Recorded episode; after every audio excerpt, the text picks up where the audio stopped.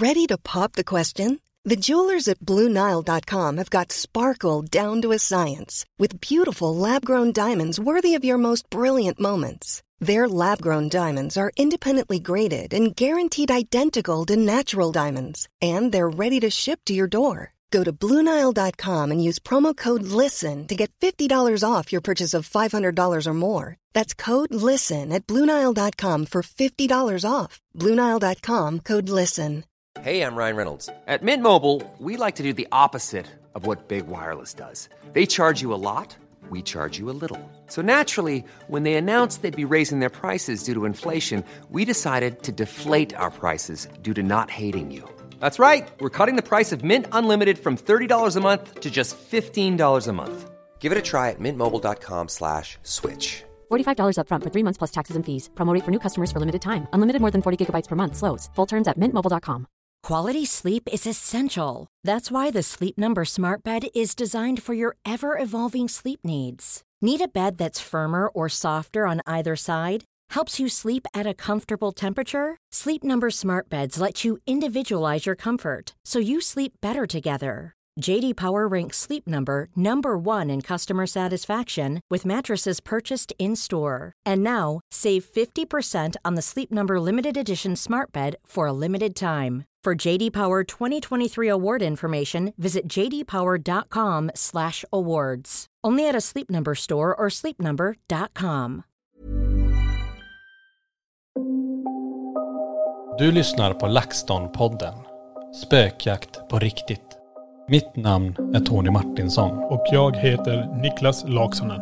Tillsammans driver vi Sveriges främsta paranormala utredningsteam. LaxTon Ghost Sweden. Välkommen till ett nytt avsnitt av eh, LaxTon-podden Spökjakt på riktigt och eh, ja, vem har med på min högra sida idag? Ja, vad ska jag kalla mig själv?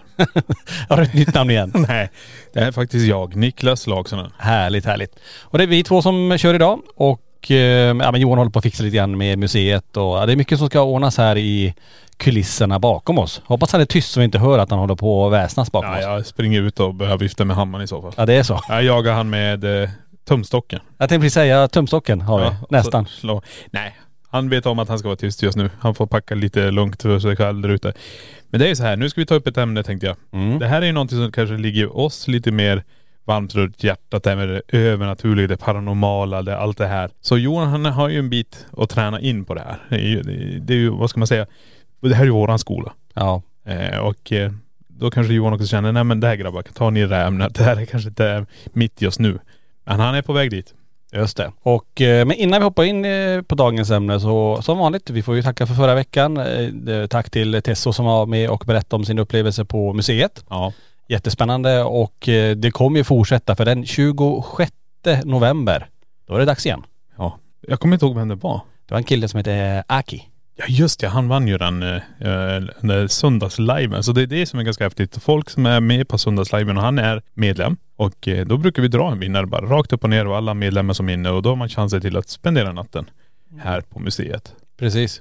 Från eh, nio till sex ungefär. Ja, och eh, det är ju Tesso som har klarat av det hittills, att spendera alla timmar. Men sen, alltså det spelar inte ingen roll hur länge man kan nej. vara här inne. Det, det är ju med ens egna upplevelser, vad man känner och ja, men lite vad som händer också. Ja, men det är det det handlar om. Hela situationen, hela sitsen man är i, det handlar om att jag ska vara här. Jag ska jobba med obehaget. Jag ska jobba mot mörkret. Jag ska jobba mot maskinerna som sätter igång. Alltså du med ditt psyke ska jobba mot det här. Mm. Och det är därför också vi går ut så här att man måste vara ganska kraftigt eh, frisk höll jag på att säga. Kraftigt berusad. Ja. jag tänkte du skulle säga men det är inte- det. Nej men väldigt kraftigt till psyke. Ja. Eh, för det vet vi själva. Det är ju bara att återgå från, om du aldrig har varit med om någonting, sen kastas du in i en ganska hög situation i, om man tar en sån här paranormal skala, för du är här på museet. Mm. Här kan vad som helst hända.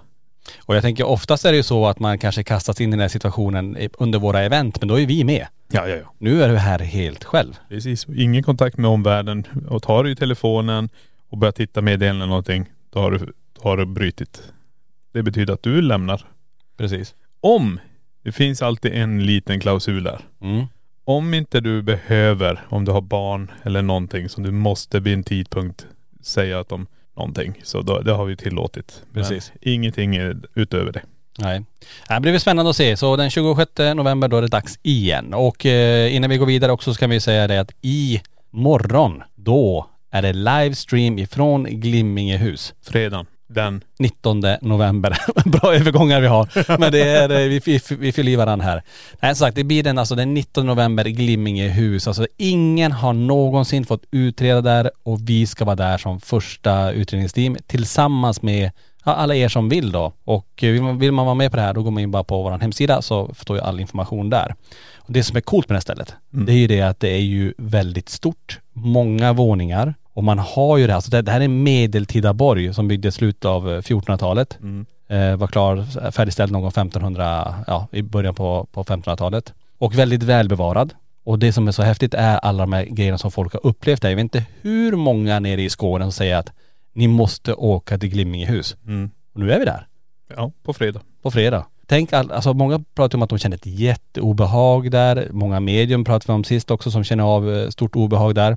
Vi har den här flickan i den här blåa medeltidsklänningen som kommer upp ur vallgravarna. Ja, det är ju galet. Vi måste vara utomhus alltså. Definitivt. Hoppas vädret är med oss så att det inte spöregnar. Men de har lovat eh, hyfsat uppehåll där. Japp. Lite blåsigt men eh, dels det. Sen finns det någon spökhund där och vi har många, en, någon hade ju sett någon så här soldat med svärd och, och rustning stå också i ett av rummen. Soldat, riddare, Ja. någonting sånt. Preti- Ja, riddare kanske det snarare blir då. Tänk dig bara, tänk dig när du står där i rummet och det här dyker upp. Och tänk om du får höra ljudet av eh, rustningen.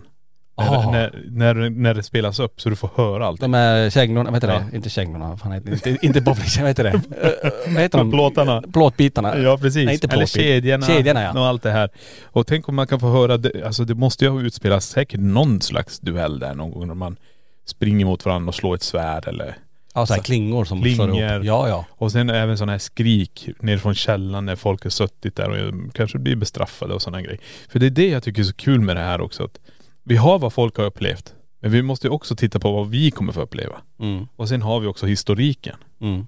Och sen binda ihop allt det här. Både med hotspots, eh, historiken och det vi kommer, äh, det, Ja men det jag gillar det. Jag ja, gillar det. ja, just det du säger, för nu är vi inne på alltså outforskad mark på det sättet vi gör. Jajamän. Och att få göra det här live tillsammans med er där ute, alltså där allt verkligen kan hända. För tänk om det är som du säger, att vi står där, vi står och filmar och vi ser någon gå i bakgrunden, alltså någon, eh, låt säga att det är en riddare eller om det är en, det här barnet eller de här kvinnliga gestalterna. Många har ju sett så här damer som går med så här 1700-talsklänningar runt eh, den här borgen.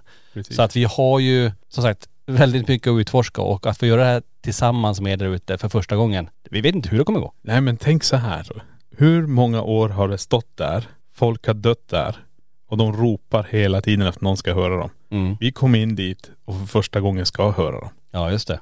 Det kan bli hur mycket som helst där. Det Det, kan det. bli ett sånt påslag av energi där inne så att allting bara går bananas. Och vi kanske lyckas dokumentera någonting för första gången. För ingen har ju varit inne och gjort det vi ska göra. Nej. Det är det också. Det är det som jag menar. Det är därför jag tycker det är så fruktansvärt häftigt. Jag gillar att folk har sina upplevelser runt omkring det. Men jag vill ju stärka det också med historiken och våra upplevelser. Kan vi få det här, den här cirkeln att bli ett, eh, helt galet. Mm. Plus, förutom att vi är där för första gången och ingen har fått vara där tidigare och att vi är där tillsammans med er. Det är ju det att vi ska också prova någonting som vi aldrig har gjort innan. Eh, jag kan ju säga så, vi kommer ta med ett för, jag tror, jag tror, jag säger, jag tror vi säger vad vi, vad vi ska göra nu. Okej. Vi ska ta med oss ett föremål ifrån det hemsökta museet. Vi ska ta med Black Mirror härifrån Ja. och ta med det till Glimmingehus. Alltså Black Mirror här på museet är väldigt populärt. Många ser ju, alltså nära och kära anhöriga, de ser ibland att hela ansiktet förändras och det blir väldigt, väldigt obehagligt. Ja. Vad händer när vi tar med den här spegeln till den här miljön? Ja. Och ni ska få titta på det här live. Vi ska alltså försöka ställa kameran så att ni ser er själva. Man kommer ju se kameran då självklart, men vi Ja. får ställa den på stativ framför en Black Mirror i den här äh, borgen. Precis. Ja, det kommer bli så häftigt. Nej precis, tänk om vi börjar se saker som rör sig där. Och jag menar det det här kanske vi också ska testa. Att vi tar och testar, sätta oss också. Ge det fem minuter var. Och sitta och koncentrera oss och se om vi kan få se någonting som har med själva historiken, någonting som utspelar sig eller något sånt där. Just det.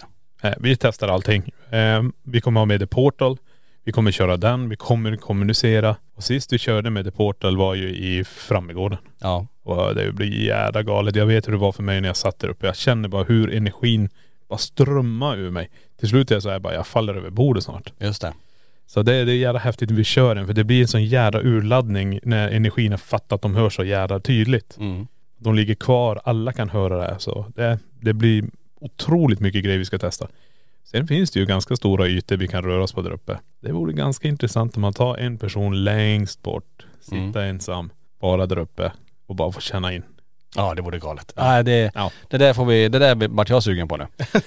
eh, men hoppas som sagt att ni vill vara med. Som sagt eh, nu på fredag den 19 november klockan 19 till eh, 20 om man är guld eller platinamedlem på vår YouTube-kanal. Då ser man den första timmen. Det ingår alltid i det här medlemskapet. Och därefter då så kan man om man vill köpa till då från klockan 8, alltså 20.00 till 23.00. Då sänder vi tre timmar live och det här kan man då läsa mer om på hemsidan laxton.se. Så hoppas att ni vill vara med på det här för det här blir once in a lifetime tror jag. Ja definitivt. Ja jag menar, var med på premiären nu. För det här har ju aldrig gjorts innan. Nej.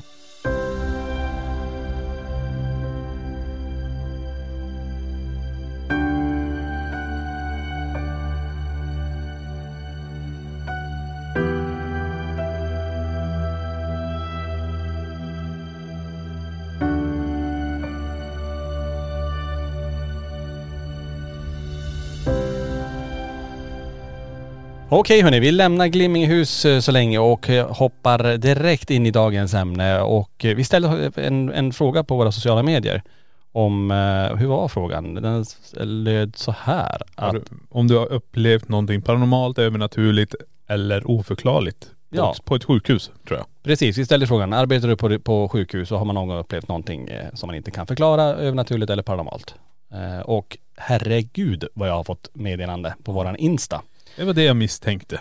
Det här är, och det är blandat, både från så här äldreboenden, demensboende, sjukhus. Um, väldigt, väldigt blandat. Så att det är ju, man märker det att det, det är väldigt många som upplever saker i de här miljöerna där personer dör helt enkelt, där man går bort. Precis, men innan vi hoppar in på det ämnet, backa lite grann så här själv.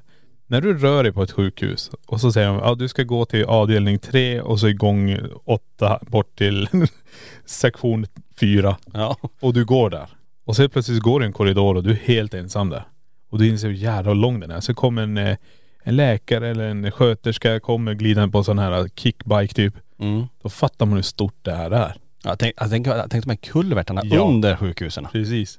Och tänk dig att röra dig där och du kanske passerar ett bårhus eller vad som helst. Allting finns där. Mm. Det, folk går bort där, folk ligger kvar där till sin sista vila innan man flyttas då vidare. Kanske till krematoriet eller när det sätts ner i graven. Det är det som är grejen.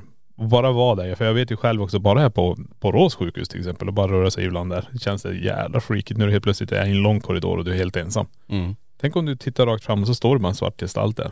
Och så börjar du gå mot den, sen glider den bara rakt igenom väggen. Mm. Ja, det är häftigt. Vi har, vi har faktiskt fått, eh, fått lite grann från eh, även Borås sjukhus. Inskickat till oss. Men eh, vi, vi, så här, vi kommer ju inte tala om eh, exakt vilka sjukhus det är och vem som skickar in det. Det får vara lite anonymt. Alltså det är spännande. Så det finns även då alltså saker eh, precis eh, runt hörnet här, eh, där också händer saker. Och ja, men det är intressant för det är ju väldigt många som upplever saker på de här olika platserna. Och det är inte så konstigt egentligen med tanke på att det är ju väldigt många personer som faktiskt tar sina sista andetag just på sjukhus eller på olika ja, men äldreboende och demensboende och sådär. En fråga Niklas, vet du, jag kollar upp det lite snabbt. Vet du hur många människor som dör varje år i Sverige? Åh herregud. Vad tror du? Törs du gissa? Eh, när man, om man ska bara tänka sig logiskt med den här statistiken som är att 15 000 dör i, i covid så, ja vi säger, det måste ju, ja, jag, drar, jag säger 10 000. 10 000? Ja det är väldigt lite säkert. Eh, lite, lite lite. Men tänk, nästan, du kan nästan gångra det med 10. Det är ungefär 90 000 om året som, som dör. Herregud. Fast du var nära å andra sidan eh, när det gäller antalet eh, i Sverige som dog just nu under förra året då med antal covid som Ja. du tänkte på. Men eh, för då vi närmar oss nästan 100 000 då. Men eh, runt 90 000 i snitt ungefär. Jag läste någonstans här på Socialstyrelsens eh, hemsida. Och, eh, men det är ganska, tänk att en, runt 100 000 dör varje år. Och vad har vi? 365 dagar. Mm. Det är, det är nästan att vi måste slå på miniräknaren här för det är, det är ganska många samtidigt per dag. Ja men om vi tar 100 000, det blir ganska enkelt att räkna Ja. ut då i så fall om, det, om du tänker att det är. Då är det ungefär, det är ju 273 stycken om dagen. Ja det är helt sjukt. som dör. Men som, och slår man ut det på 24 timmar så kan man ju säga det att det är elva varje timme som faktiskt somnar in. Herregud. Och vi är tio, under- är vi, hur många, hur många miljoner? Är vi tio miljoner nu? Eller är vi fler? Ja, nu, Ja, vi säger att vi utgår från 10 miljoner. Det är Ja. ganska stor procent ändå. Ja men man tänker så här. Tänk att under den här podden så har 11 personer somnat in. Ja, herregud. Det är ganska läskigt ändå. Oj. Men så är det. Men.. Ja, ehm, det här, men det är det. Det är det det handlar om. Det handlar om döden och det handlar om det här som finns runt hörnet. Man vet aldrig vad som kan hända. Och det är ju det här som man är mest rädd för tror jag. Man inte har kontroll. Mm. Av att, eh, jag kan sätta mig i bilen och bli påkörd. Jag kan gå till bilen och bli påkörd. Mm. Jag kan resa mig upp här och det brister ett kärl i huvudet. Ja. Det, det, allt kan hända. Det är det som är grejen. Det är bättre att försöka tror jag acceptera det. Jag tror- jag du ska leva med döden så nära dig som möjligt. Ja men du är inne på något där, för det är exakt det där. Att vad som helst kan hända när som helst. Det är därför jag menar att det finns igen, det enda som finns egentligen, det är nu. Ja. Det är det vi nu, nu sitter vi här. Det är det enda som finns. För du kan inte påverka, alltså historiken har, det har redan varit. Ja, ja, ja. Det kan du bara ta lärdom av. Det som kommer hända framåt, det är ju saker du kan drömma om kanske ska hända eller att du förväntar dig ska hända. Men du vet inte egentligen. Nej. Du kan skapa förutsättningarna för det men du vet inte hur det kommer bli.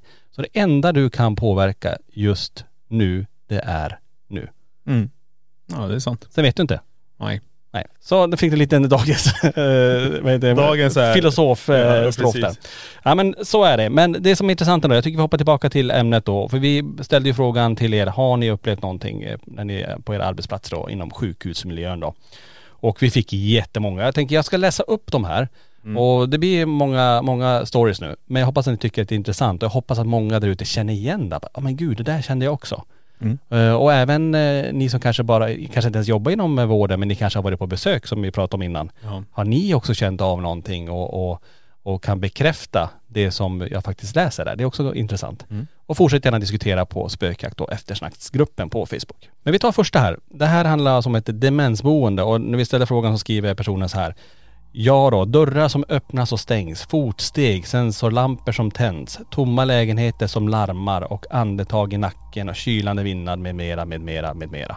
Så här ser man redan här, och det här har jag sett när jag läst de här kommentarerna, det är så genomgående en grej. Dörrar som öppnas och stängs. Naturligt, om man tänker att de öppnas och stängs, att folken då, som inte finns längre, att de fortsätter gå in och ut ur de här rummen. Eh, eh, lampor som tänds. Men det som är genomgående av, jag vet inte hur många, det är att det larmar ifrån rum som ingen är i. Ja precis. Alltså man trycker på den här, vet den här larmknappen Ja, när, ja. man, när man behöver hjälp. Ja men det är, Den det, fortsätter larma. det är precis det. Det är det när jag lyssnar på det här, det här känns som att det, det här har jag hört innan. Och det här har vi också gjort, här på museet så har vi ändå pratat med personal som har jobbat eller jobbar inom vården. Där de berättar om att de har ett allmänt eh, så här, eh, tv-rum eller någonting. Och så sitter de på natten där alla patienterna ligger och sover. Och så går larmet i tv-rummet. De måste gå dit. Mm. Fysiskt har knappen tryckts in men det är ingen där. För på vägen dit när de går mot den här stora ytan också. Så kan man inte försvinna ut ur den här utan du måste gå ut i korridoren och gå till ditt rum.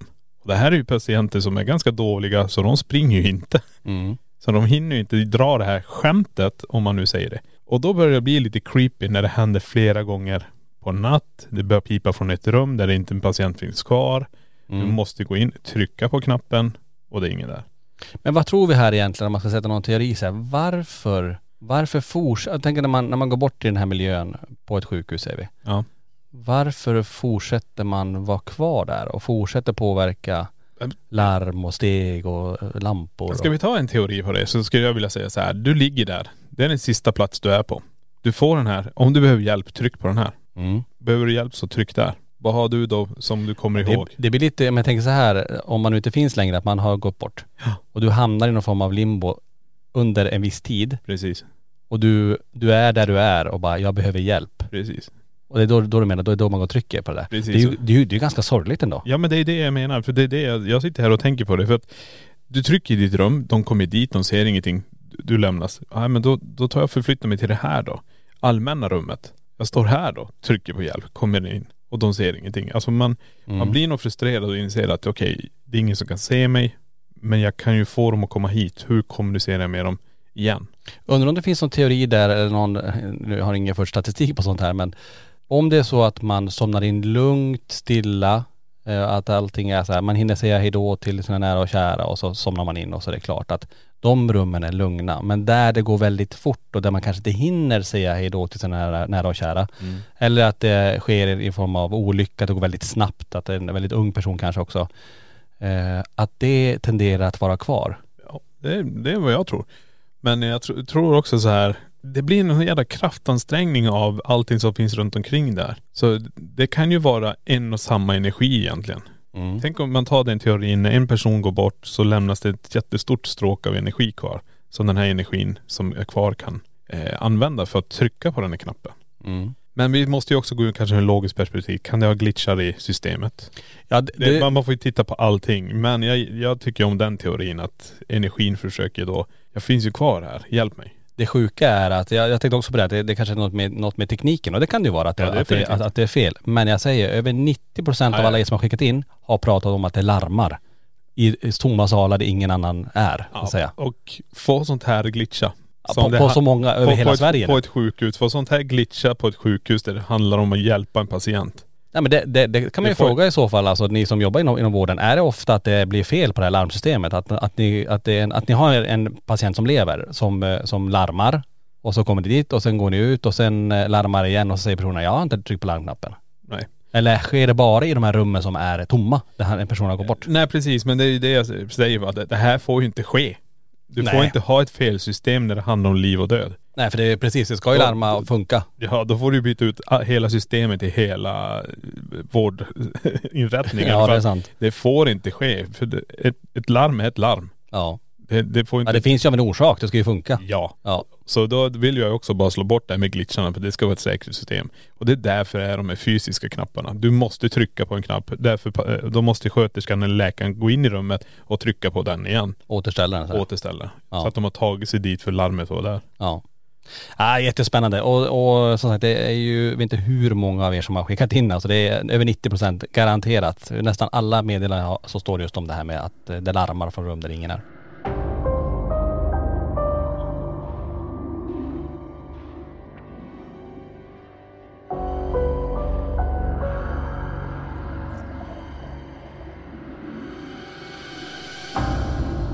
Vi tar en till här då. Det är en person som har jobbat på sjukhus eh, i över 20 år och det har hänt många saker.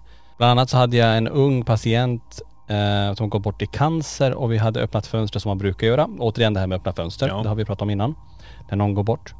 Det gick några timmar efter eh, man hämtade patienten och rummet stod tomt. Då ringde larmklockan flera gånger och vi gick in till slut och sa att nu är det dags att lämna oss och gå vidare. Och då slutade larmet att ringa. Du ser där är också en grej så här. Larmet går, någonting är kvar, de säger att det är dags att gå vidare och det slutar. Och det också, varför slutar det då om det inte är så att det finns kvar någonting som faktiskt gör eh, det som den blir tillsagd till att göra då? Ja det är.. Ja, det börjar falla lite grann i den teorin jag snackar om. Att man blir kvar och du vet om att det här funkar, då, då får jag uppmärksamheten. För det har vi också faktiskt pratat lite grann om det här med uppmärksamheten från andra sidan. Eh, tänk dig så här, du står i, hemma, du håller på, vi säger att du står och diskar. Mm. Och så känner du en, eh, en rysning eller en, en smekning som på kinden. Mm. Då tar du bara upp axeln och så gnuggar du bort det. Du tänker det, okej, det, jag röst till i skägget. Men om du står där och helt plötsligt så flyger en bok ut ur bokhyllan. Mm. Vilken reagerar du mest på? Ja men det är ju boken för den blir mer, den är mer visuell och mer tydlig. Jag tänkte det där var konstigt. Ja, och då det jag menar, då blir det ju också att du kan lägga uppmärksamheten till, vänta nu, är det någon som är här? Mm. Medan den här smekningen på kinden gör bara att jag, jag hyschar bort den, jag, har, jag står och diskar. Det kan vara muskelkramp eller vad som helst som reagerar. Det är det man måste ha i åtanke också tror jag. Att man, eh, det är alla de här små, små grejerna och det är det som du och jag egentligen är tränat på. Vi går på alla de här små, små grejerna. Berörningarna, rysningarna, känslorna. Och det är det vi gör när vi gör våra utredningar. Att vi har det i väldigt, vad ska man säga, väldigt eh, stor parabol som ligger och känner av det här. Mm.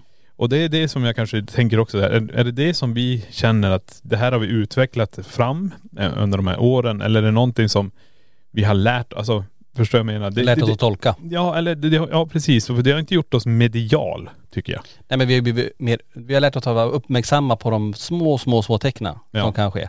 Och det är de man inte vill missa. De bara små, små, små grejerna. Och sen vet man inte om allt, de är små, man kan ju få att det kliar till av en naturlig orsak självklart. Precis. Men när, ibland så sker det i sammanhang där man märker, och framförallt när vi är iväg på, på ställen att okej nu kanske någonting påkallar ens uppmärksamhet, eller vill göra det i alla fall. Mm. och att vi reagerar på det och sen går vi vidare på det spåret och så händer någonting. Mm. Det är ju lite coolt ändå att det, Ja. att det funkar på det sättet. Vi har fler, vi har en tjej som jobbar på ett sjukhus här och eh, det står att den här personen jobbar en natt.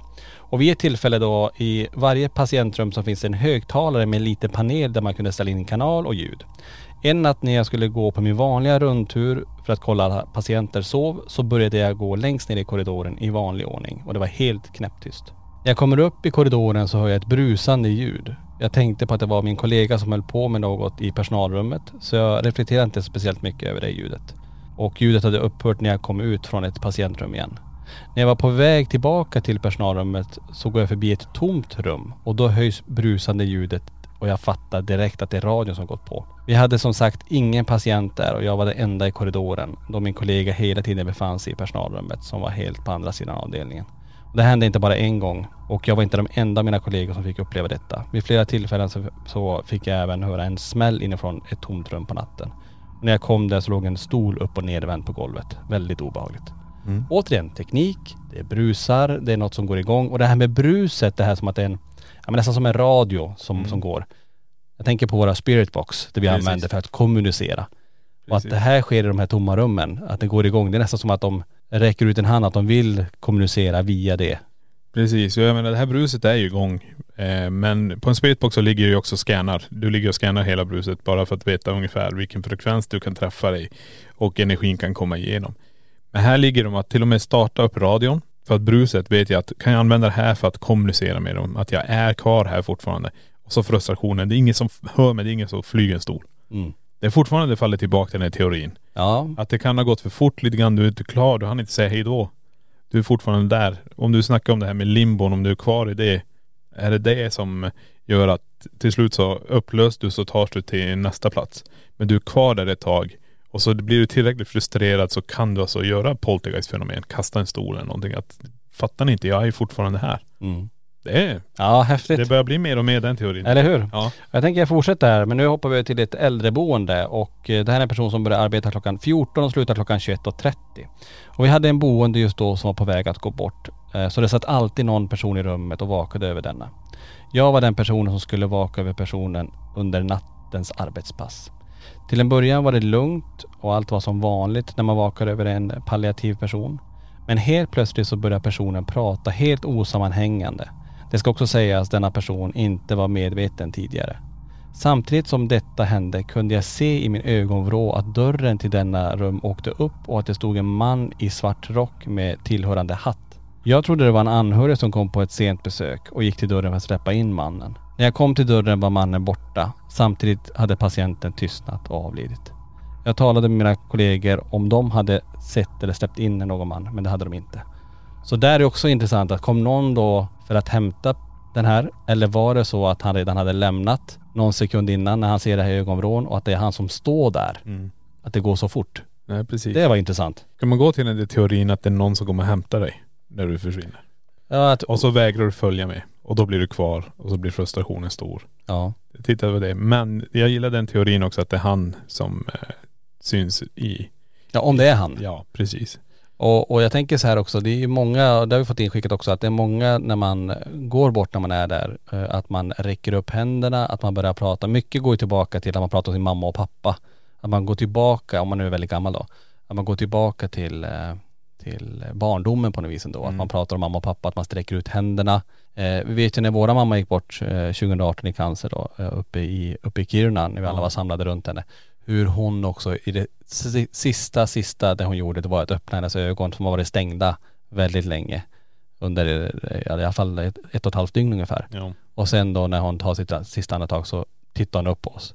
Och sen är det klart. Och det är ju också, och det kanske är en reaktion som sker, att alla gör så, jag vet inte. Men eh, i och med att jag har bara varit med en gång när, när jag har sett en person gå bort. Mm. Men, eh, ja men det är sådär, det är, jag, jag hoppas ju på något sätt att det är så att man inte är ensam utan att det faktiskt är nära och kära, att någon står och väntar på en. Och på något vis tar hand om en och guidar igenom en vad som är på väg att hända. Att man inte är helt ensam där och fastnar i någon form av mörker och inte vet om man ska ta vägen. Nej precis. Det, det var jag tror också. Men då ska vi också tänka så här, ta det ur olika teorier. Ska vi säga att vi plockar isär själen och intellektet. Att de inte är två samma saker. Mm. Intellektet är en sak och själen är en sak. Mm. Eh, och de ska på två olika ställen egentligen. Intellektet ska samlas i något jättestort nätverk där det finns erfarenheter och allting som bygger så att sen skickas vidare till en rekarnation och den här personen får de här funktionerna som blir en mästare på piano. Fullärd direkt från barnsben. Blir ett geni. Och så tar vi själen så går vidare då till en annan plats och fortsätter leva på en annan plats. Och när det, sen när den, den platsen tar slut så går du till nästa nivå. Förstår du vad jag tänker här nu? Ja, att, du, att det separeras med Det separeras. Men det är det jag tror också så här, om man tittar på allt det här, men jag gillar det här med att man har det här med larmknapparna för, för kommunikation. Jag är fortfarande kvar här. Men är det den sista urladdningen du släpper innan du går därifrån? Förstår du? Ja. Om vi säger att intellektet och själen sitter ihop. Och när du är precis på väg att gå så kan du få vad som helst att hända. Och det är det som du tänker då att du har stått, vi säger att du har varit där i, ja, vi säger att det tar två dygn innan du går iväg. Mm. Under två dygn har du försökt välta den här stolen. Men precis när du lämnar alltihop så blir det en sån stark energisamling. Urladdning nästan. Urladdning så bam, gör det. Och då funkar det, det du har försökt göra. Så händer det. Ja. Ja det skulle kunna vara en teori också då. Ja. Jag gillar teorier. Ja, ja men det är så. Det är det vi jobbar med och det här är ju mycket är just teorier och vad man eh, väger in i sina erfarenheter och vad Ja. man får uppleva. En annan här då, det här är en person som jobbar på ett sjukhus och eh, vi har upplevt en hel del eftersom sjuket, eh, sjukhuset är under ombyggnation. Ja det är ju också en grej att det kan hända mycket. Men det är på ett speciellt ställe på sjukhuset som många av oss har upplevt samma sak. Då ska man ta sig till labbet med prover och du går genom en lång korridor som slutar i ett T-kors. På vägen till T-korset är det ett fönster som gör att man ser över på andra sidan. Där upplever man att det är någon som står och väntar. Man kan se konturer av en liten pojke eller en känsla av att det är en liten pojke. Men när man väl kommer till T-korset och tittar bort i korridoren där man upplever eller ser pojken som står och tittar mot den så ger han ett stort onaturligt leende och springer mot den. Och det där var ju obehagligt. När pojken kommer fram så är det ingen pojke längre utan en stor karl som skriker den i ansiktet. När den är nära och skriker känner man ett stort obehag och kyla så att håren reser sig på armarna. Det finns de som har känt att det luktar dött när den är nära. Det här är bara, det här är bara en av många händelser. Och hon säger att det, är alltså, det är flera som har upplevt det här. Och jag känner igen det här, för vi hade en som kom in på museet och berättade samma sak. Nu Ja. vet inte jag om det här är samma person eller om det är en till som jobbar på det här stället. Alltså det där stället, eh, jag tror vi pratade om det, det här skulle man ju vilja utreda. Ja, alltså nu, nu är vi ju där jag snackade om att du tittar långt bort i en korridor och så ser du en svart gestalt. Men här ser du en liten pojke som står och ler och börjar springa mot dig och sen förändras till en man som står och skriker. Först är onaturligt leende Ja. och sen springer mot dig. Ja, du ser. Det är ju precis det. Det är ju det är inte mardrömmen men det är ju skithäftigt om det skulle hända om man får det här på film. Men tänk dig då. Du ska röra den här korsningen eller du den här korridoren. Du vet om det här kan hända och så händer det varenda gång och inte bara dig. Ja. Det här betyder ju nästan som att det här är en kraftansamling av någonting död egentligen som har stannat kvar. Som manifesterar sig som en trevlig kom till mig. Ja, men det här låter ju som något helt annat. Det här Ja, låter ja, inte som något mänskligt som ändrar form på det där sättet. Utan det låter ju väldigt som ett, eh, någon form av väsen nästan som En, springer en korridoren. entitet som har genererats av död helt enkelt. Så kan det vara. Ja, som lockar dit dig med att säga att jag är en liten pojke, kom och hjälp mig här. Och sen när du väl kommer dit så får, blir du utskälld. Ja men så kan det vara. Jag tänker så här, eh, ni vet inte om, de- om man får filma på sjukhus på det här sättet. Men det hade varit intressant om man hade lyckats dokumentera det, ni, ni som arbetar på det här sjukhuset och känner igen er i, den här, i det här poddavsnittet nu. Pre- Precis, fota när ni får den känslan. Ta massa bilder med telefonen. Eh, Ja, jag undrar, är det en känsla eller ser de det här? Nej, jag tror det var en känsla. Jag tar det nästan som en känsla. Men Ja. ser de det här så filma det. Men få, får ni känslan så ta bilder. Ta flera stycken. Kör, eh, vad heter det? Paparazzi på det där. Ja det där hade man ju jättegärna velat, Ja. velat se. Ja häftigt. Om det nu går, om det går. Om det går, om man får dem. Det, det kan vara med sekretess och grejer också. Ja, precis. Att det får man ju följa självklart.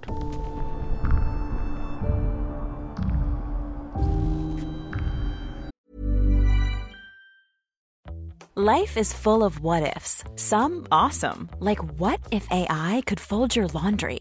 And some, well, less awesome, like what if you have unexpected medical costs?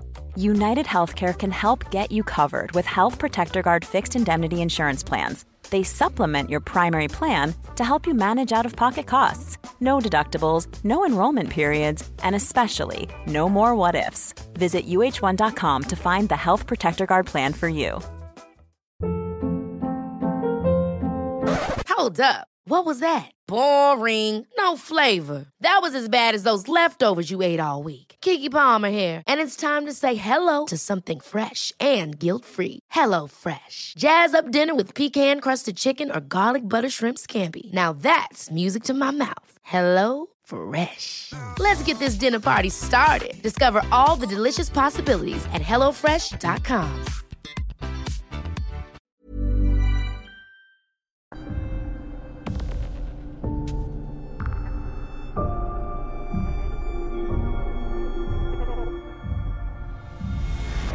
Här har vi en till som skriver. Jag var på jobbet helt ensam och skulle ställa i ordning inför en inflytt eh, när våra automatiska dörrar öppnas. Jag var helt själv på våningen. Ingen kommer in och dörrarna stängs. Sen ringer larmet eh, från ett rum. Denna sal kallar vi för dödens väntrum. Då det är en enkelsal och många som har dött där. Det där är också coolt att dörrar öppnas och stängs som att någon kommer in och någon kommer ut. Mm. Eh, och återigen att det larmas i ett rum där man kallar för dödens väntrum. Alltså det är ju, återigen så är det ett, en till som pratar just om eh, larm. Ja. Och det här med sensorer är ganska coolt ändå att den öppnas och stängs. då. Nej, det här, alltså, tänk ett sjukhus. Undrar hur många energier, själar som går runt där fortfarande. Mm. Som är, tänk dig du, du kommer in, du har med en bilolycka, du satt bakom ratten, sen smäller det, du kommer inte ihåg någonting och sen avlider du. Och så står du bara där. Vad hände här? Tänk att det kan gå så, det är exakt som du säger, det går ju så fort. Ja. Att du kan ju avleda i samma sekund som du smäller så blir det sån, Ja. sån smäll att du inte finns längre. Och tänk då att från, gå från det här li, livet eh, där man lever och man har massa planer och allting rullar på till att det blir, ja men tills att du hamnar någon annanstans. Ja. Och man bara, var är jag? Vad, vad hände? Ja men då tänk så här logiskt då. Du är på ett sjukhus, du ser saker. Tryck här för hjälp. Ja då Eller hur? vill man ju trycka där. Ja, bara, alltså är det någon som kan hjälpa så försöker du och till slut så går det igång. Ja. Och så kommer någon in och bara, hallå här är jag. Ser Ja. du inte mig? Och så bara ser man på personen som är där bara, nej vänta nu börjar det. Ja. Alltså det, det, det är lite så jag kan tänka mig att, tar man lite logiskt bara. Det är som om du skulle gå och lägga dig, ta det ur dig perspektiv. Du går och lägger dig och sover. Och sen vaknar du upp, helt plötsligt sitter du på kontoret. Och du har minneslucka däremellan men du vet inte hur du har tagit dig dit. Mm. Då blir det ju också lite så här, vänta nu, hur, varför? Mm. Eh, för då har du förflyttat dig till en annan del och du har ändå kläder på dig, du har allt det här. Men hur, hur kommer jag hit? Ja nej det, Det, det är ju helt galet. Man, man verkligen. kan ju som inte sätta sig in i de situationerna på grund av att det är ju lite för, för knasigt. Det kanske är som när folk går i sömnen också. Det, det är en annan podd om vi ska Ja. prata om sömngång. Eh, ja. ja det är galet. Det finns, eh, men vi har också, det är många som arbetar på sjukhus som inte, alltså som, eh, inte nu kanske är just inom, alltså själva vårdpersonal utan att det kan vara entreprenörer som är där för att fixa och dona i fastigheten, renoveringsprojekt och sådär. Och vi fick här från en kille som jobbar som målare. Han var en gång och målade på ett sjukhus. Och då såg han en svart gestalt som en människa som svävade igenom den ena väggen och in i den andra väggen. Jag satt och målade längst ner i en korridor och då det här inträffade och det var supertydligt. Kommer aldrig glömma den här händelsen. Det var så fruktansvärt tydligt. Gestalten var alltså eh, åt andra hållet om man säger så, längst ner i korridoren, cirka 50 meter bort och jag var 100% ensam i den här korridoren. Eh, även det kusliga är att denna plats där det inträffade ett gammalt mentalsjukhus. Så att här också att en entreprenör stackaren ska stå där och göra ett, ett målerijobb. Återigen en korridor och så se en svart gestalt passera rakt genom väggen eh, 50 meter bort. Ja, det var ju precis det jag pratade om innan vi ens började prata om det här. Jag, det är du som har läst de här, jag har inte hunnit titta på de här än, jag har haft så mycket annat att göra. Så det, det är ganska intressant. Redan där så har jag den här teorin om att du är i korridorer. För det, jag har den grejen, det är därför. För när jag går, jag vet hur det var när jag var på sjukhuset här, jag skulle ta mig någonstans, jag kommer inte ihåg. Och det är en lång korridor. Då gick jag så här, tänk om jag ser någonting där framme som bara, som rör sig. Och ser jag, här får jag ju bekräftat. Folk upplever ju det. Ja, ja. Jag tror mycket i korridorer. Jag tror det där tror jag många där ute, ni som jobbar på sjukhus och, och äldreboende och demensboende, att ni känner igen er här. Eh, vi har en annan person som jobbar som eh, sjuksköterska och eh, på ett eh, sjukhus då. Och eh, hon skriver så här. Det fanns ett flertal toaletter och duschrum på en avdelning och eh, ett av duschrummen hette duschrum 2. Där inne fick en man ett hjärtstopp en dag när han satt på toaletten. Vi gjorde HLR och fick igång honom men tyvärr avled han bara några timmar senare på IVA. Ja det är intensivvårdsavdelningen. Några veckor senare så stängdes detta duschrum av då det blev problem med vattnet där inne. Rummet låstes och användes inte. Efter att rummet stängdes av började det larma oförklarligt ifrån det, vilket det aldrig gjort tidigare. Larmet är en knapp som sitter på väggen inne i duschrummet och när man trycker på den så kommer det upp en liten display i korridoren att dusch 2 larmar. Detta är alltså ett låst och tomt rum. Det stod till och med en säng framför dörren så det var inte enkelt att ta sig in där. Detta hände titt som tätt, speciellt kvällstid. Någonting inom mig fick känslan av att det var den här mannen som fick hjärtstopp som ville spela oss ett spratt. För nog blev vi rädda varje gång det stod dusch 2 på displayen. Och det där är ju också intressant ändå. Återigen larmar inifrån det här duschrummet och att det skedde där han faktiskt fick det här, det här hjärtstoppet då. Ja. Ja, Jag vill inte gå in på den teorin jag har här också. Tänk om det är så att du hamnar i en loop precis innan. Så du hela tiden fastnar i att du måste få till ett hjälp. Och så sp- återspelas det och så måste du ropa på hjälp. Den teorin vill inte jag ha. Ja, jag vill ha det med att det här, det var jättebra det hon sa. Att han håller på att jävlas. Att jag fortfarande kan röra mig här emellan. Ja men det, det är ju en liten roligare teori kanske. Ja. Att man är där och man gör det här. För tänk så här, något man tänker själv så här, tänk om man hade, om man inte finns längre. Vad hade man velat göra då? Om du har möjlighet att vara kvar. Det det var kul att det var att bara gå runt lite grann och, och lyfta en penna och kasta den eller trycka på larmknapp och se personalen bli, lite rädda sådär. Ja, det, hade, det hade varit lite kul faktiskt. Ja det, det, visst är det det men ja, då är vi inne och leker med folks psyke här. Att man, man gör ju folk galen efter ett tag. Ja, sant. Men det är som sagt, jag tror det, det, kan vara så att om, man- om man tittar på en annan teori så här. Ögonblicket han fick den här eh, hjärtstilleståndet var det va? Mm. Kolla om det är då larmet går. Att eh, det finns ett eko kvar. Eh, Ja, just den en, tiden, en, en, en minnes eh, energi som återspelar det här. Det blev så starkt för han så han kunde lämna kvar den energin.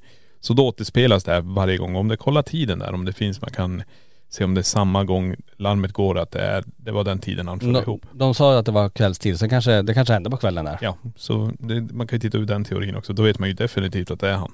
Ja. Här har vi en till person som jobbar på ett sjukhus och här skriver hon också det att larm som går i tomma salar på sjukhuset. Jag får även rysningar och kalla kårar ibland utan att det går att förklara. Jag känner mig ofta iakttagen. Och det händer också att jag får någon form av indikation eh, om att en operation som har varit- på väg att gå fel eller tyvärr inte slutat bra alls. Eh, sjukhuset eh, är det väldigt mycket rörelse från andevärlden skriver personen. Så att det, det är också det här ändå att det är och det, det, det är frågan om, om många känner, känner igen sig där, att man känner sig iakttagen. Att man känner som att det är någonting kvar i ett patientrum eller en operationssal kanske, där, man, där det precis har, har skett. Att, att någonting ändå, att man känner den här känslan att nej, den som precis var här, fullt levande, fortfarande är kvar här fast i en annan form. Jag vet inte om det, om det, om det är någon sån Det kan ju vara det också. Men det, det är som en grej också. Jag undrar hur många som går och är så här halvt öppna mediala. Förstår du? Som Just inte det. förstår att man är medial utan man, man eh, är där och helt plötsligt får de här känningarna och du kan tolka dem och sätta det som att Jag tror det kan vara det också. Just det.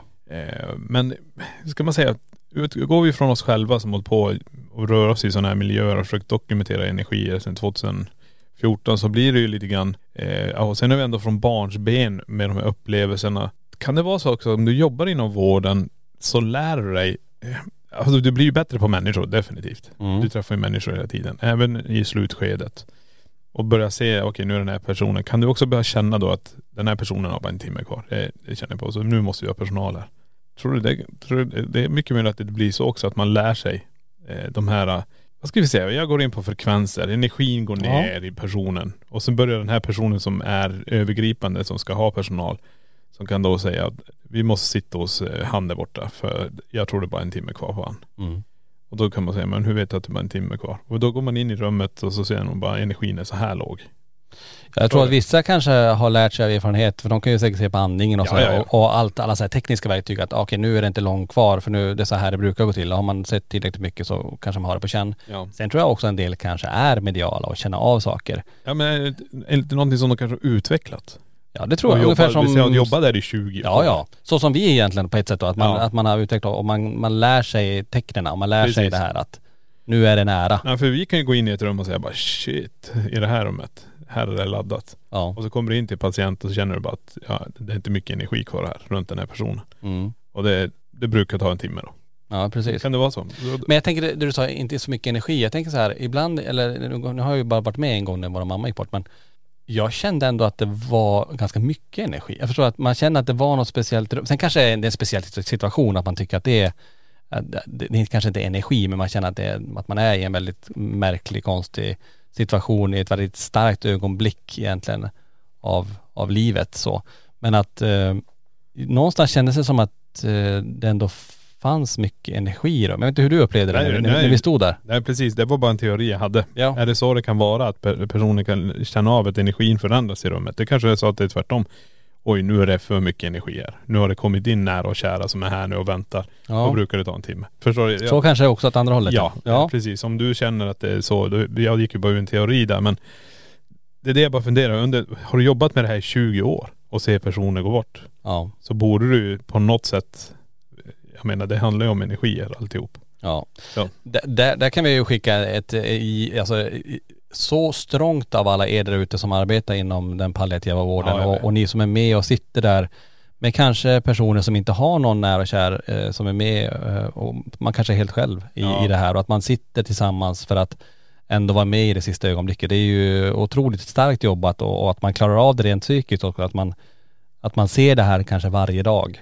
Och att Precis. man, eh, och för någonstans en annan hade ju blivit knäckt varje dag att se någon gå bort och nära och kära anhöriga som är där och det är ju mycket sorg kring det här. Eh, Men att ni ändå står där och finns där och tar hand om eh, både patienter som inte längre finns där på ett, på ett värdigt sätt men även det att man tar hand om de nära och kära runt omkring.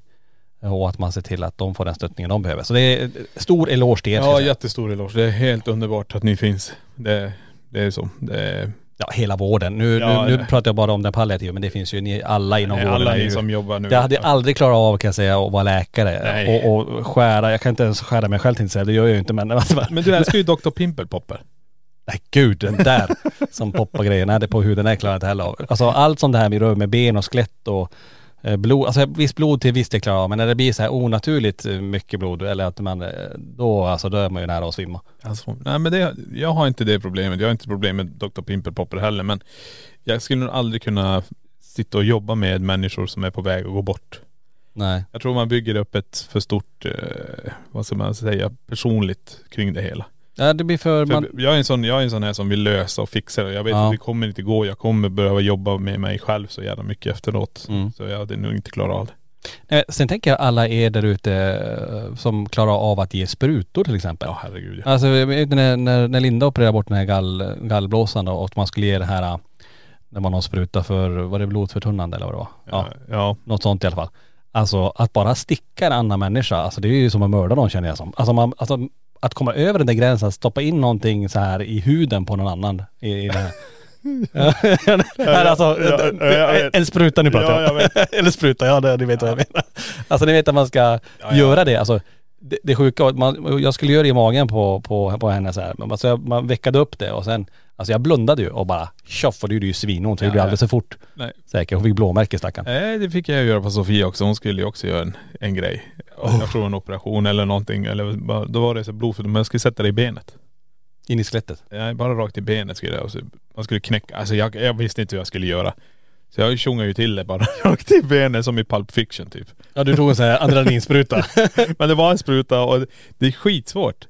Och sen får man se, då skulle hon göra en, en till men då visade de att de tog tag i huden och så tryck från sidan. Jag tryckte ju rakt ner. ja. Så Sofias blåmärke var ju så här typ 10 centimeter stort på Ja. be- benen. Jag har för mig det var det ett tag sedan.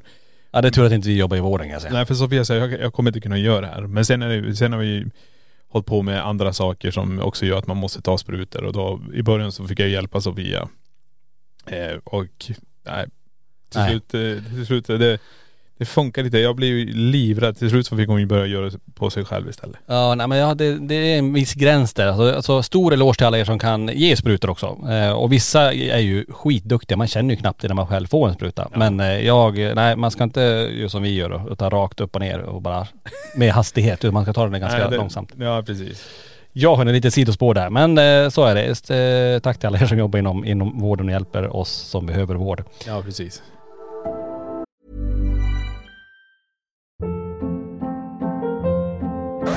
Hold up. What was that? Boring. No flavor. That was as bad as those leftovers you ate all week. Kiki Palmer here, and it's time to say hello to something fresh and guilt-free. Hello Fresh. Jazz up dinner with pecan-crusted chicken or garlic butter shrimp scampi. Now that's music to my mouth. Hello Fresh. Let's get this dinner party started. Discover all the delicious possibilities at hellofresh.com.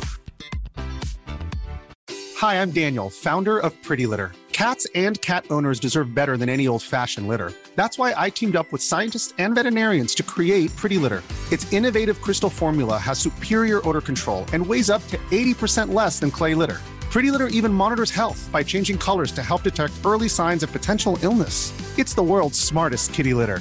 Go to prettylitter.com and use code ACAST for 20% off your first order and a free cat toy. Terms and conditions apply. See site for details. Planning for your next trip? Elevate your travel style with Quince. Quince has all the jet setting essentials you'll want for your next getaway, like European linen, premium luggage options, buttery soft Italian leather bags, and so much more. And is all priced at 50 to 80% less than similar brands. Plus, Quince only works with factories that use safe and ethical manufacturing practices. Pack your bags with high-quality essentials you'll be wearing for vacations to come with Quince. Go to quince.com slash pack for free shipping and 365-day returns.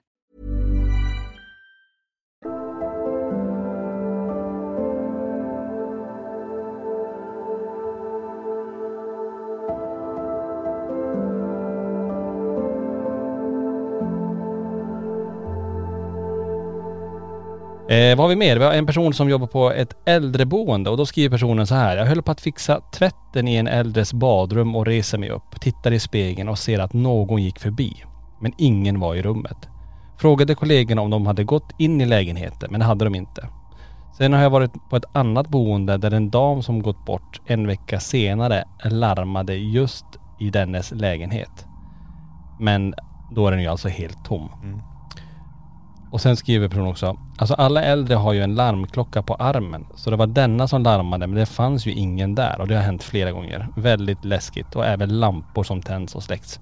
Och där återigen, larm. Och man hade, så du pratade om det här, man har larm nu även på, på armen på dem. Och det är ju så här falllarm ifall de eh, stackarna råkar ramla ner, att de kan larma när de ligger ner. Och det är ju också en grej så här, ja då är det ju ännu ett larm, eh, inte en på väggen då men ändå att det är ett, ett larm som, som ska funka, som funkar men ingen är där. Nej men det här är ju också ett personligt larm. Du har den på armen. Och det finns ingen där. Och Mm. larmet går. Det är ju också helt otroligt. Ja. Helt galet. Vi fortsätter här på ett äldreboende. Det är en som har jobbat natt i fyra år och det smäller i skåpsdörrar, köksskåp, rörelselarm och trygghetslarm som går av i tomma lägenheter. Lampor som tänds och framförallt tydliga mans och kvinnofigurer som rör sig över våningarna.